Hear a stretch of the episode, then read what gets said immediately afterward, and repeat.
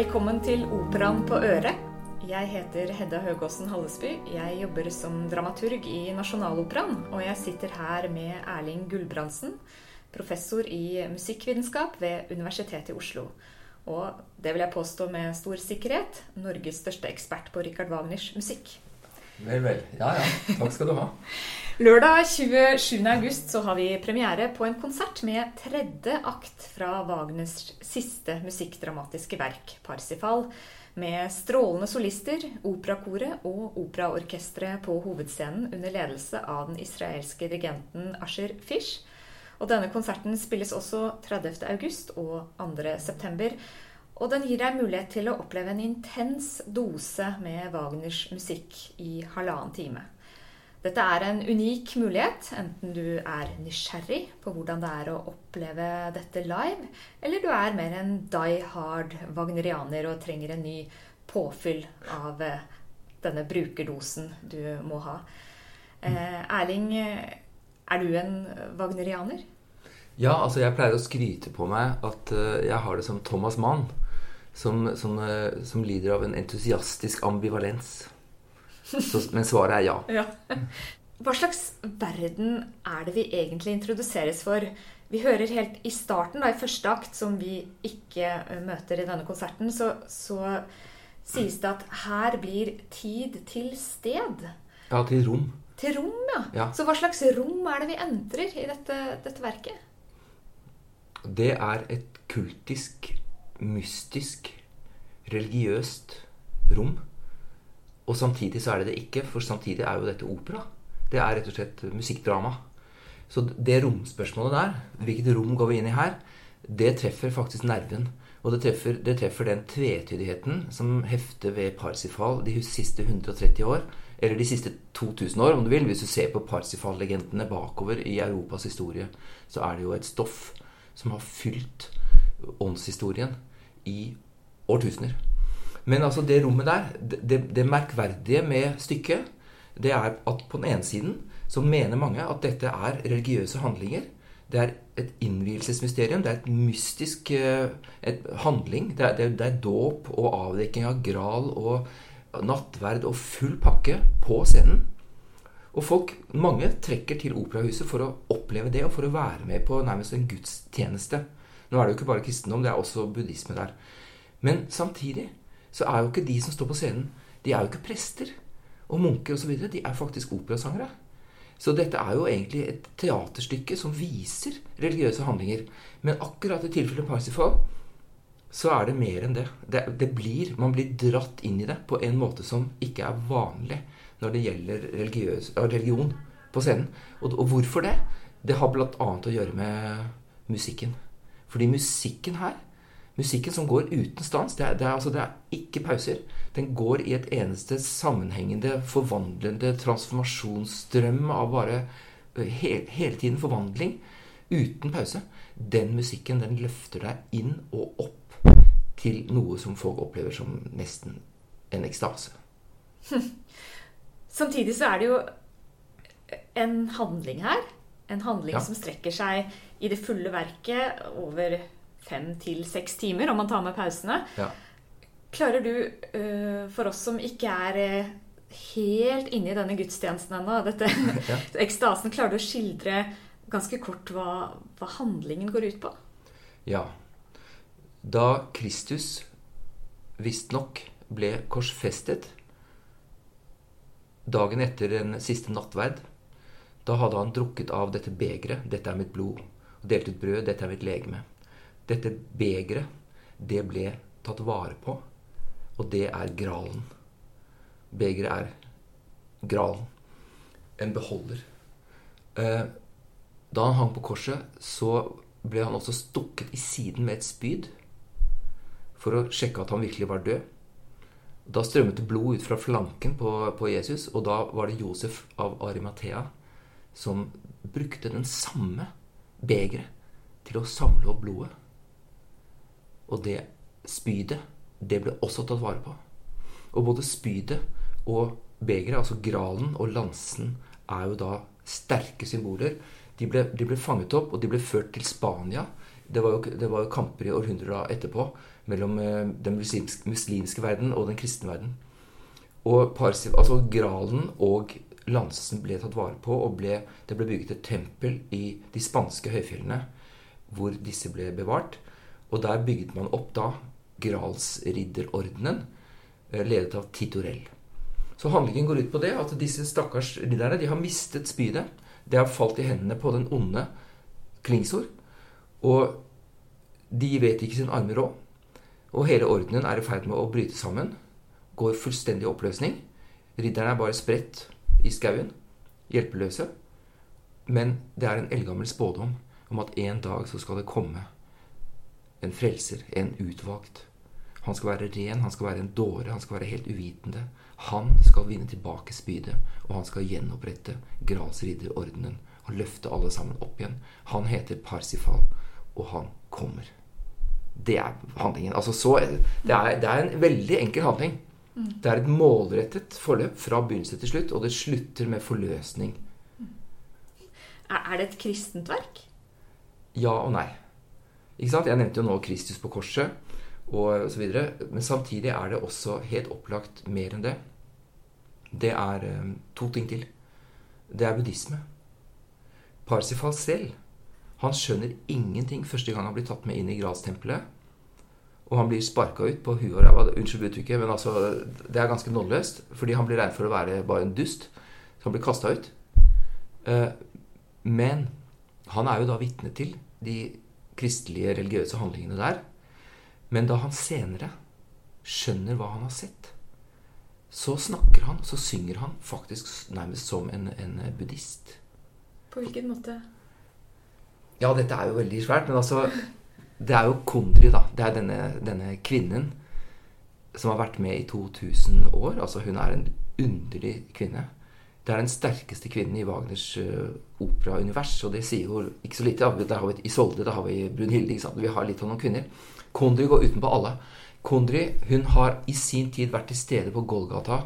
Hun så Kristus på korset, og hun lo av ham.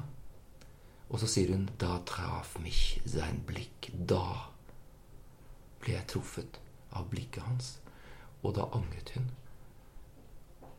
Og da skjønte hun at hun hadde vært Hun hadde altså begått en forferdelig handling.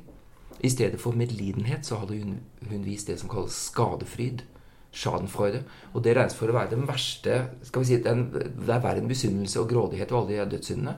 For skadefryd, det er helt uten poeng. Skadefryd, schadenfreude, det går ut på at du ser at et annet menneske lider og pines, og så fryder du deg bare over det. Uten, uten at du har noe glede av dette selv. Altså, det er bare ondskap. Og motsatsen til schadenfreude er, schadenfreude er jo da medlidenhet. Og det som skjer med Parsifal, det er at han innser Han blir altså forført av Kondri. Hun har da i 2000 år forført menn. Parsifal er den første som klarer å stå imot dette.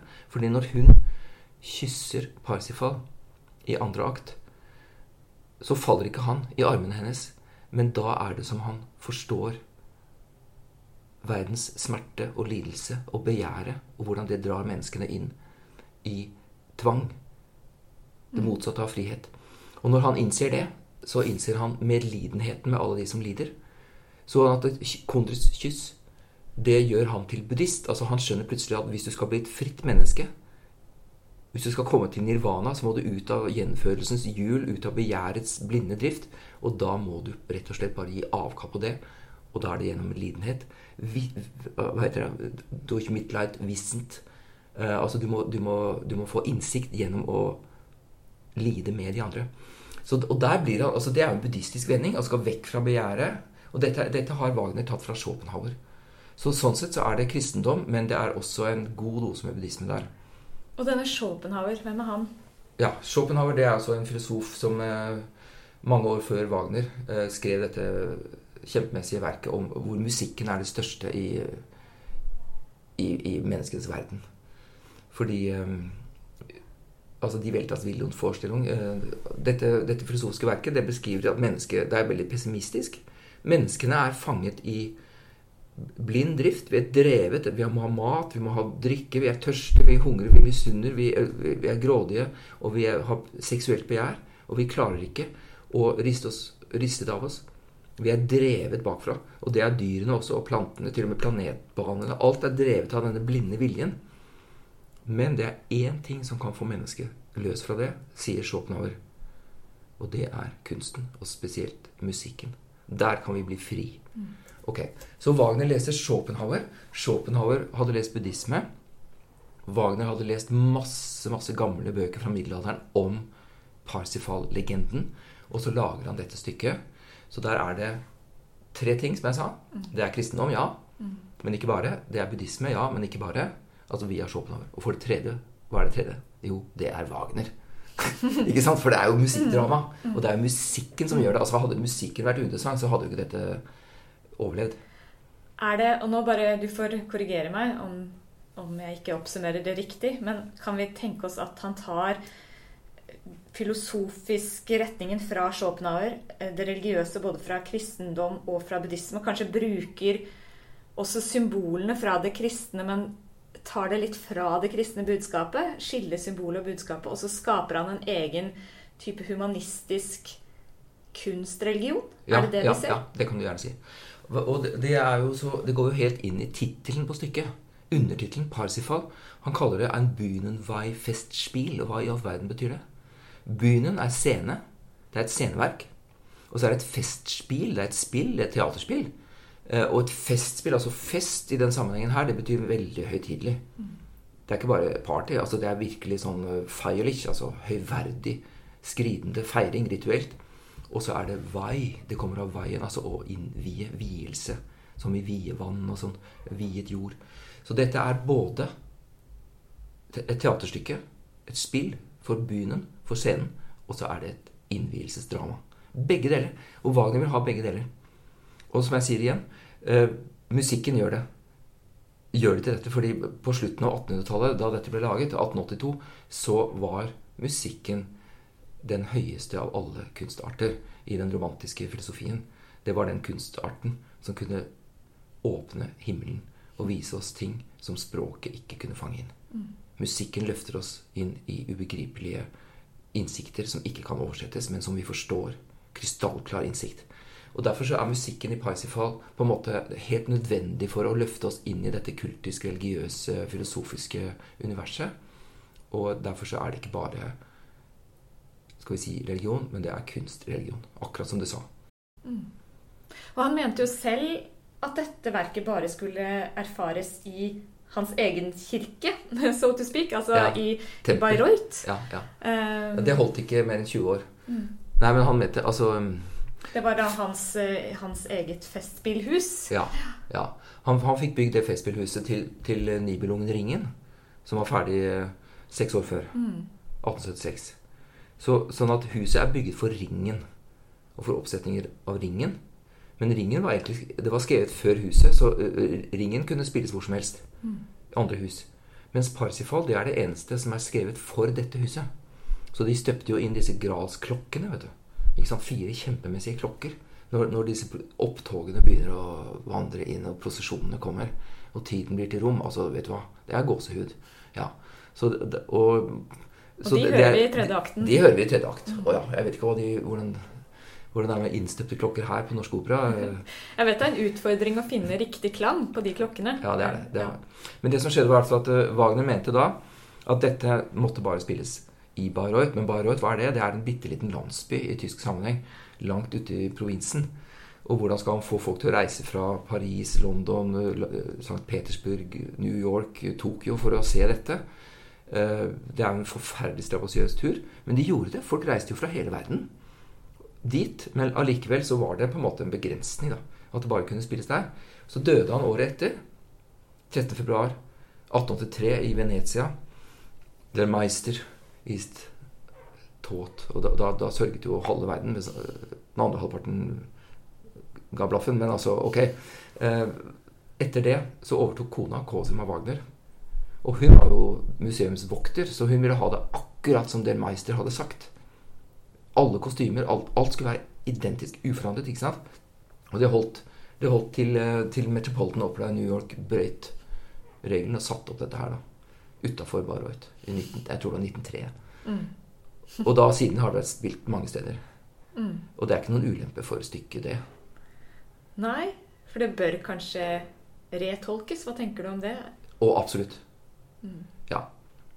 Saken er at eh, altså feilen ved museum, med det museale synet på opera, det er at de som vil ha det akkurat som det var første gang, de vil ha det ekte, autentisk sånn som det var. Det gjelder Mozart, det gjelder Montevideo, det gjelder alle. ikke sant? Men det er en veldig banal tankefeil, med all respekt. For hvis, hvis, altså hvis man spilte Wagner i 1883, Parsifal, så var det helt nytt. Radikalt grensesprengende. Men hvis vi gjør det samme i dag, så setter man opp noe som er 130 år gammelt. Da setter man opp en historisk museumsvisning. Det var ikke Wagner. Wagner var radikalt ny. Så hvis Wagner skal være troverdig, eller trofast mot originalen, så må han faktisk være nyskapende. Nå setter jo ikke vi opp dette som et scenisk verk. Det er en konsert. Mm. Og vi går bare inn i tredje akt. Eh, og der er Kondri, som vi var inne på, bare til stede i to ord. Hun sier 'dinen, dinen', Ja. 'tjene, tjene'. Ja. Og så har hun et skrik. Og så Ja. er hun bare stille til stede på scenen. Og da egentlig bare i vår bevissthet, da, som sitter i salen her. Ja, tilbake til Kondry, altså. Ja, vi må litt tilbake til henne. Ja, For hun er faktisk tre helt forskjellige karakterer. I akt 1, akt 2 og akt 3. Hun er tre forskjellige personer i én. I tredje akt så, så er hun blitt en sånn eh, botferdig kvinne, som det kalles. Altså hun, hun angrer, og hun vil sone, og hun vil tjene. Og hun er, hun er på en måte helt sånn uh, selvutslettende, da. Og blir også da endelig forløst, som det kalles. Eh, hun skal egentlig dø på slutten, men moderne oppsetninger har ofte latt henne fortsette å leve. I andre akt er hun en helt annen. Da jobber hun for trollmannen Klingsor. Og det er han som har stjålet spydet faktisk fra ridderne. da. Og da ligger hun i blomsterhagen og forfører alle ridderne som kommer forbi, grasridderne, og får dem til å falle. Og det er det, dette er den delen av Parsifal som jeg syns er mest problematisk. Det er den derre puritanske eh, skrekken for seksualitet. Det at hvis du skal bli et åndsmenneske og bli forløst og, bli, og oppnå klarhet og visdom, så må du fornekte seksualitet. Mm. Istedenfor å integrere deg i livet ditt. Eh, og det eh, Altså Hun bidrar i hvert fall da til at disse ridderne faller. Og da er hun, som jeg sa tidligere, hun er en ung, forførerisk, livsfarlig Høllenrose, altså en helvetesrose, som hun blir kalt. Som, som, som ingen kan stå imot, unntatt én. Unntatt Parsifal. Ja. Men i første akt igjen, før det igjen, så er hun ingen av delene. Da er hun faktisk en eller annen slags sånn villkvinne som ligger og sover under hauger med gammelt løv i skauen. Og hun sover faktisk i en slags dvale i århundrer og vekkes opp med det der uhyggelige skriket. Og da er det at hun Og hun kan fly gjennom luften til Arabia for å skaffe balsam til den lidende kongen. Altså, Det er mye vi ikke har rukket å si, da. Amfortas er jo med i tredje akt. Og det er kongen. Kongen for gradsridderne. Sønnen til han som bygget borgen, Titorell. Det er Amfortas. Men Amfortas er jo bare sorgen, med all respekt. Altså, Amfortas rolle må være noe av det mest mistrøstige man kan synge. Han har altså i sin tid dratt av gårde for å vinne tilbake spydet, da, lansen, som var stjålet av Klingsår. Og så har han gått rett i fella. Der ligger Kondri som ung, blendende kvinne og drar ham ned i armene sine, og så faller han. Og mens han ligger der og, og glemmer seg selv og glemmer alt i armene hennes, så mister han spydet som han hadde med seg. Altså Han var dratt dit for å ta knekken på Klingsor. Eh, Så, så mister han spydet og glemmer alt, og så kommer Klingsor og, og knabber det. Og kjører det inn i siden på kongen, på Amfortas, mens han ligger i armene til Kondri. Og så får han dette såret som ikke kan gro. Og det er jo skammens og skjemselens sår. Det er skyldfølelsen. Det er hele hans fall. Han er den eneste av gradsridderne som er tilbake i gradsborgen, men som har hatt seg med Kondri. Og det såret det gror ikke, for det er det samme typen sår som Kristus hadde i flanken på korset. Og det er med det samme spydet. Altså, det, her, er- her går det jo fullstendig opp i en høyere enhet. vet du. Og. Krist, og det såret som Kristus i den kristne tradisjonen kommer for hele, er jo også et sår som ikke vil gro. Nemlig det som oppstår i Edens hage. Mellom sånn vi ønsker at livet skulle vært, og sånn det faktisk er. Ja. Er det noe dette verket vil peke på? Altså Mm. det ideale som vi eh, Den verden, eden, eh, himmelen eller mors skjød. Ja. Moren Ja. til Parsifal har jo også en rolle her. Ja, ja, ja. Det på den ene siden versus bruddet, fallet, riftet, såret, blodet. ja. Det som gjør vondt, den smerten. altså Den buddhistiske tanken handler jo også om å akseptere den smerten Mm. som verden kommer med. Er, det, er det noe av det vi ja, ja, ja. ser Altså, i såret? Her, her, altså, såret er eh, Såret er eh, noe man ikke kommer utenom. Mm. Rett og slett. Man kommer ikke utenom at verden er brutt. Mm. Og at vi, vi er ikke i en paradisisk tilstand. Vi er i en verden med lidelse. Og sånn sett har jo Kundri en rolle, da, ved å både peke på det såret og, og kanskje også bistå til å, å hele det igjen. Altså uten henne så hadde jo ikke den eh, frelsen skjedd til slutt. Ja, men hun motarbeider jo den frelsen veldig, da. Fordi hun eh, Hun vil ikke at Parsifal skal eh, skal slippe unna. Hun sier 'Nor eine Stunde mit mir'. Altså, hun, hun, Mm. vil, hun vil at han skal komme Mm. og, og ligge med henne. Mm. og bekrefte henne. Uh, hun sier og det er fantastiske replikker. vet du. Når, han, når hun har kysset ham Det er et langvarig sugende kyss, får vi vite. Og det er i andre akt, vi må bare si det. Ja. Wagner er jo veldig spesifikk på alt Mm. dette her. Langvarig sugende kyss. Første kyss for eh, Han var jo ukyssa, ikke sant? eh, Parsifal. Eh, så river han seg plutselig løs og skriker 'Amfortas'. Mm. Da, da, da gjenopplever han det Amfortas Riktig. Ja. opplevde i, armene hennes ja. da han var fullstendig oppslukt av begjæret og i begjæret. Og da han ble stukket i siden. Og da, da, det er da Parsifal rammes av medlidelse eller medlidenhet da, med Amfortas. Og da vil han ikke fortsette samme vei som han foretas. Da river han seg løs. Frevlerin ardo, altså synderin Da, da er hun også en synder og en, eh, en som må frelses. Men, men hun, eh, hun vil jo ikke at han skal klare dette. Eller hun vil det og vil det ikke. Hun er sammensatt. Hun er en dobbelt karakter. Og så er det at Klingsoren selv, trollmannen, kommer på banen. For når hun ikke klarte å forføre Parsifal, så må han stille opp selv med selve spydet. Og så kaster han spydet med all den trolldomskraften han har. Så kaster han spydet rett mot Parsifal. Slutten av andre akt nå. Og så blir det stående og dirre i lufta.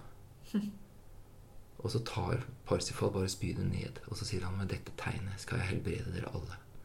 Og så styrter hele borgen og blomsterhagen og forførelsen og hele, hele verdenen til Klingsor i grus. Og så går det 20 år. For Kondry hun klarer jo, hun har jo ikke hvem som helst, så hun slynger da ut en forbannelse til denne unge Parsifal. Og sier at du skal, du skal havne i irrganger. Du skal havne på ville veier.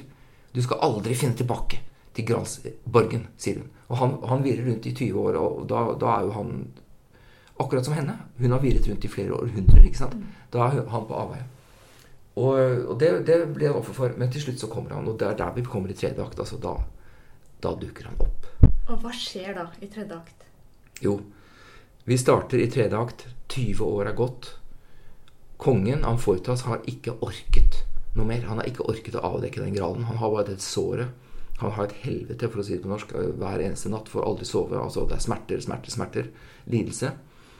Hans gamle far, Titorell, har dødd. Som hadde bygget borgen, ikke sant.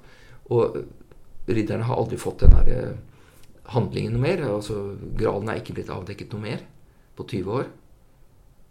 Og vi ser fortelleren, som jeg ikke har nevnt engang nå, ennå. Han som egentlig har mest taletid i hele stykket.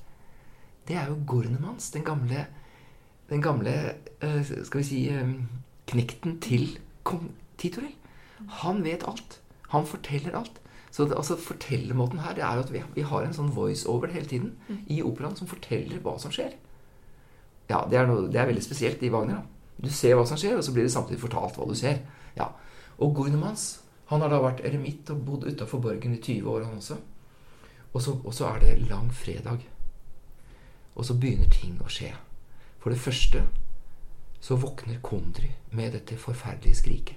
Hun har sovet der under en dynge med råttent uh, løv. Hun våkner etter 20 år og skriker. For det andre så ser man seg rundt, og så sier han dette er jo langfredag, den helligste morgen. Den store smertesdagen i vår historie. For det tredje så hører vi underlig musikk. For det er noen som nærmer seg fra avstand. Det er en fremmed mann, en ridder, i svart rustning med visiret for ansiktet. Og han stanser foran dem, setter fra seg spydet og tar av seg hjelmen. Det er ham. Det er den rene dåre som vi kasta ut på huet og ræva. Beklager uttrykket, men da husker man hva jeg mener. ikke sant? Det er han som vi kastet ut for 20 år siden. Vi trodde han var en dust. Det er han. Først er det gåsehud nummer én. Han er kommet. Hvordan fant han veien tilbake? Ingen kan finne veien tilbake hit hvis man ikke er utvalgt. Og så er det gåsehud nummer to. Spydet. Det er det spydet. Han kommer jo tilbake med det spydet. Og så er det Kondri og Gordemans og Parsifal som da alle tre sammen finner hverandre. Hans første handling Parsifal, det er at han døper Kondri. Og da blir hun på en måte forløst fra den skylden som hun har slitt med i århundrer. Og for det andre så beveger det seg da i retning av borgen. Dette hører vi, altså jeg mener musikken. Og da, og da er det at uh, når, når Gordemann sier at dette er langfredag, så bryter jo han Parsifal først sammen. Han er, Etter min mening er han en ganske depressiv type.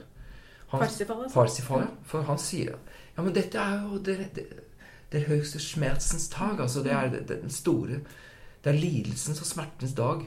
Forferdelig er det langfredag, sier han. Og så sier Gormans nei. Dette er jo den vakreste dagen. Og så ser han Ser du ikke at de grønne engene, de aue, at de blomstene, duggvåte og det grønne gresset og bladverket i trærne, at alt sammen det strekker seg mot lyset, mot sola, og det, det lever.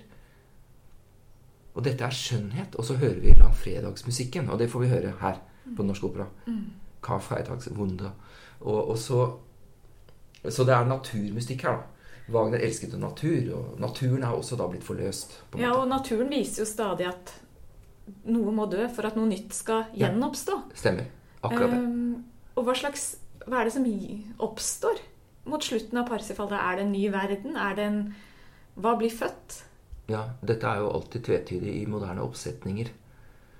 Men uh, det som skjer i skal vi si, originalen, da Visstnok, hvis det fins en tydelig entydig original, det er at uh, Det er tre ting. Altså Parsifal han tar jo da med seg spydet inn i tempelet, og der er det bare sorgen. Der står ridderne. De har ikke fått nattverd på 20 år. Titorell er død, den gamle helt. Kongen jamrer og nekter å avdekke Gralen, for Gralen holder ham i live. Så han vil jo egentlig bare dø. Han er selvmorder. Altså Dette er et selvmordsdrama. I, I, vår tid så burde man ha advarsler på døra her. ikke sant? For det er sånn, sånn Trigger warning. Trigger mm. warning, ja. Fordi han, han vil faktisk dø.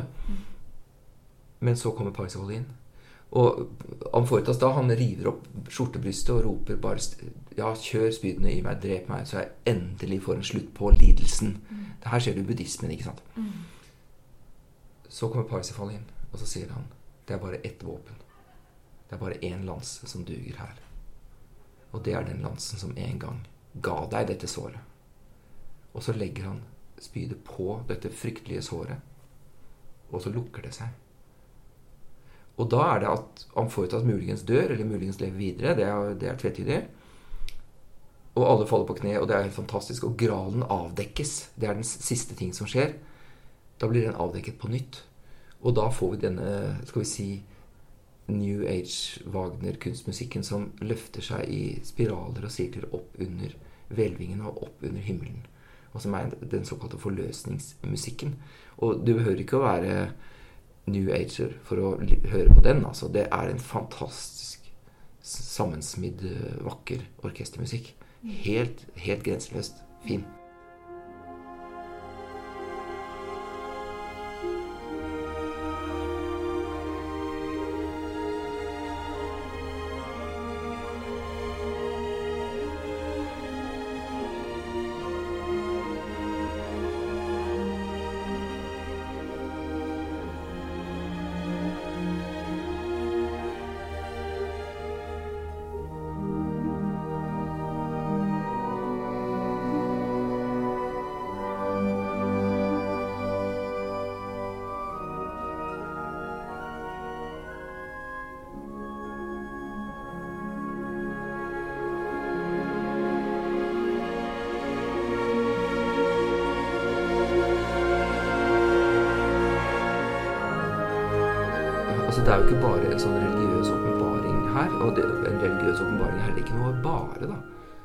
Er faktisk ganske omfattende. Det er ikke noe å oppleve hver dag. Nei.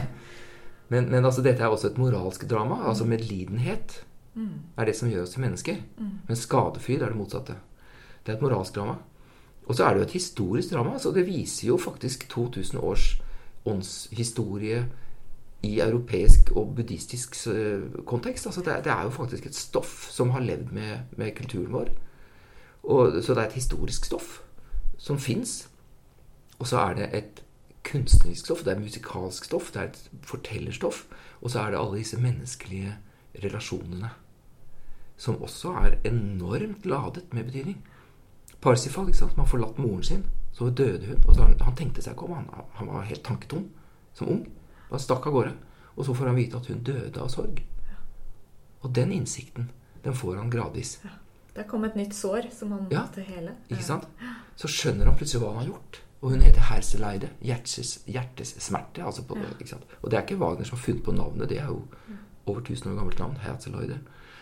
Uh, og dette stoffet finnes jo i keltiske og eh, romanske legender og myter. Og det, det går tilbake til antikken i Hellas og videre inn i Midtøsten, Tyrkia. Uh, de lignende legender, og det går tilbake til India og Arabia. Uh, Så dette stoffet her, det, det er større enn Wagner. Men det er altså, så det er et historisk stoff. Det er et musikalstoff. Men re relasjonene, de er jo også veldig tette på oss. Uh, Amfortas, han er jo denne sønnen som skulle bli konge. Og bygge videre på Titorels fantastiske gralsorden. Og så har han forskusla alt. Han har ødelagt alt. Han har mista spedet og hatt seg med en kvinne og tråkka skikkelig feil og er bare en, en kjempemessig loser etter øh, det skal vi si, amerikansk målestokk. Han har gjort alt feil og ikke klart å leve opp til farens nivå. Han er en sønn. Den mislykkede, fortapte sønn. Uh, og så har du da Parsifal, som også er en fortapt sønn, men der er det moren. Og så har du Kondri som en slags morsfigur. Og så har du denne fortelleren, Goinemans, som er en farsfigur for alle sammen, som vet hva som skjedde for lenge, lenge siden. Og så har du Altså, det, det er relasjoner. Menneskelige relasjoner på kryss og tvers. Psykologi, altså. Dybdepsykologi. Og de arketypiske posisjonene, hvis du vil kalle det det, altså mellom, mellom eh, far og sønn, eller mellom mor og sønn, og mellom eh, elsker og elskerinne osv. De relasjonene der. Altså Det er jo sånn hele tiden. Når de tre hovedpersonene er på scenen, så er det de tre arketypene fra eventyret. Det er vismannen, Gordelmans, ja. ja. og så er det den unge helten, Parsifal, og så er det kvinnen, som Kondri. Hun er både den unge prinsessen som, som mennene vil ha, og hun er også den gamle, kloke, moderlige kvinnen. ja. For hun er den som minner han på hans mor og forteller om hvor han kommer fra. Ikke sant? Mm. Jeg leste et sted at Wagner egentlig mente at hun skulle være to skikkelser, og så ble hun Mm. én. Ja, det stemmer. Og derfor er hun også så vanskelig å håndtere, fordi hun er så sammensatt. da. Mm. Som man jo er. ja ikke sant? ja. Ja. Hva slags, altså Du har jo allerede vært inne på det, men det er jo et mannssamfunn ja. vi introduseres for, og så kommer hun inn som en sånn dissonans. Eller Ja, også det- det kan- kromatikk. Det er sånn halvtonetrinn når hun kommer inn. Er det Hva slags bilder av femininitet og maskulinitet eh, presenteres vi for? Ja, dette er jo et, dette er et av de punktene som er vanskelig for meg, Mm. syns jeg. Fordi her er det helt klart et mannsfellesskap, et mannssamfunn, hvor kvinner er utestengt. Wagner ville sprenge det. Eh, nå kan jeg bare fortelle at for 25 år siden så intervjuet jeg jo Wolf, Wolfgang Wagner, festspillsjefen i Bayreuth. Eh, han er sønnesønn til Richard Wagner. Da. Og da vi snakket om Parsifal Vi snakket i timevis, det var helt fantastisk for meg. altså. Eh, da da sa han det at dette er jo et kvinnefrigjøringsdrama. Så sa jeg what? Parsifal? Så sier han ja. Parsifal tar med seg, som den første, han tar med seg en kvinne inn i Gralstempelet. Og lar henne delta der. Og det minner om noe som Wagner var opptatt av selv den gangen. Ikke Wolfgang Wagner, men bestefaren, Richard Wagner. Han holdt på i mange år. vet du det? Han holdt på med et drama som het De Ziger, altså et buddhistisk drama som ikke ble fullført. Og det handlet om Buddha og buddhisme. Og i kretsen rundt Buddha så hadde kvinner ikke adgang. Men det var én kvinne som fikk slippe inn. Og det var for Wagner nok til at dette, dette ble faktisk bra. da. Fordi da, da var Buddha såpass radikal at han godtok en kvinne i det samfunnet der til å være likeverdig mennene i åndelige spørsmål. Fordi på den tiden så mente man at kvinner liksom var jordbundet og emosjonelle og ikke, sant, ikke kunne tenke uh, ånd og sånn. Og det, det, det kvinnesynet er jo Det er rett og slett helt umulig. Ikke sant? Det er helt umulig. Men Wagner ville sprenge det kvinnesynet i stykker og introdusere kvinner og menn som likeverdige, og det gjør han i alle dramaene sine. Mm. Så det er jo en ganske Det, er, altså, det at Parsifal, dette veldig Skal vi si eh, gamle fortellerstoffet, egentlig åpner opp for en, den mest radikale feminismen, det, det syns jeg er veldig bra. Da. Det må jeg bare si. Det viser jo også at man eh, kanskje bør grave et hakk dypere. Ja. I noe som tilsynelatende kan virke som noe veldig kvinnefiendtlig, eh, forenkla, eh, kanskje også altså, Svart-hvitt. Ja, ja svart-hvitt. Et mannsfellesskap eh, med en eh, kvinnelig slange som kommer inn og frister. Ja. Eh, åpne for noe annet. Og også kanskje at eh, dette verket er noe som man ikke blir ferdig med. Jeg skjønner at du heller ikke er ferdig med det etter så mange år og har, har jobba med det og levd så tett på det. Og, det, det, og det, dette kan jeg jo snakke med deg om, fordi altså, du er jo spesialist på kvinneskikkelser i opera, ikke sant? blant annet Salome. Det som skjer etter Parsifal, det er jo at vi får først Salome, Rikard Strauss, og så får vi Lulu av Alon Berg. Og de kvinnene der, de er jo Kondri drevet enda lenger. Men Salome er enig, det ender med forferdelse. Hun blir jo drept ikke sant? fordi hun uh, frigjør sin, sin seksualitet for, å øynene på alle. Og Lulu, Lulu også, eller Lolo, da, på samme måte. Hun blir også drept av Jack the Ripper og sånn. Men altså, denne impulsen fins også i Parsifal. Mm. Som går inn i det 20. århundres radikale opera. Mm. Og som vi kan lese som en historie her vi sitter i dag, da i etterkant, og ser hvordan de påvirket hverandre, disse, disse verkene. Ja. Men, men Erling, når vi skal høre denne konserten med tredje akt, hva tenker du vi bør lytte spesielt etter? Jo, det vil jeg bare si. For det er to ting. For det første så er dette musikken hvor det bare er overganger og sammenhengende transformasjon, sammenhengende endring. Det er ingen brudd, ingen stans, ingen pauser. Bare nyt hvordan, det, hvordan Wagner kan ta deg fra rent harmonisk, vakker, diatonisk, altså helt, helt klare, rene trekanter i messingen, og inn i noe helt annet. Og du, du, du skjønner ikke hvordan havnet vi her. Det har vært en sammenhengende overgang. Den Meister des Überganger, som man kaller seg, altså mesteren av overganger. Bare følg denne prosessen, som går og går. Det, den tredje akten er jo bare 1 time og 20 minutter maks. Uh, men det er ett stykke. Det er det ene. Og det andre er de ledemotivene.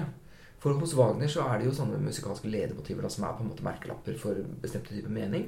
Forskjellige melodier vi kjenner igjen. Ja, det er små, mm. det er små motiver. Mm. Sverdmotiv, forløsningsmotiv, spydmotiv osv. Um, de motivene de endrer seg også hele tiden. Men i Parsifal så er det så veldig tydelig. Fordi riddernes musikk, tempelets musikk, den hører man. Den er klar og ren og arkaisk gammeldags. Altså det er, det er klare treklanger i messingkor.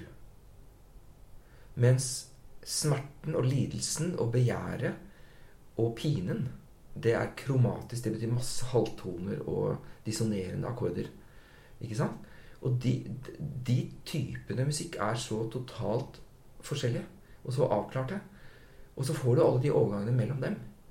Og da er det en det er som en sånn sjelereise. altså Du blir dratt med inn i en sånn strømmende elv som, som noen ganger dundrer gjennom fossefall, og andre ganger flyter bred og stille gjennom grønne enger. Altså For å bli litt banal. Men altså, det er rett og slett altså, Det er den samme musikken hele tiden, og likevel er den totalt forskjellige verdener. Og det kan man bare nyte. Man kan lene seg tilbake. Man bør ikke tenke en tanke på, på hele åndshistorien. Og, altså man kan rett og slett bare leve med og puste og lene seg tilbake og følge musikken.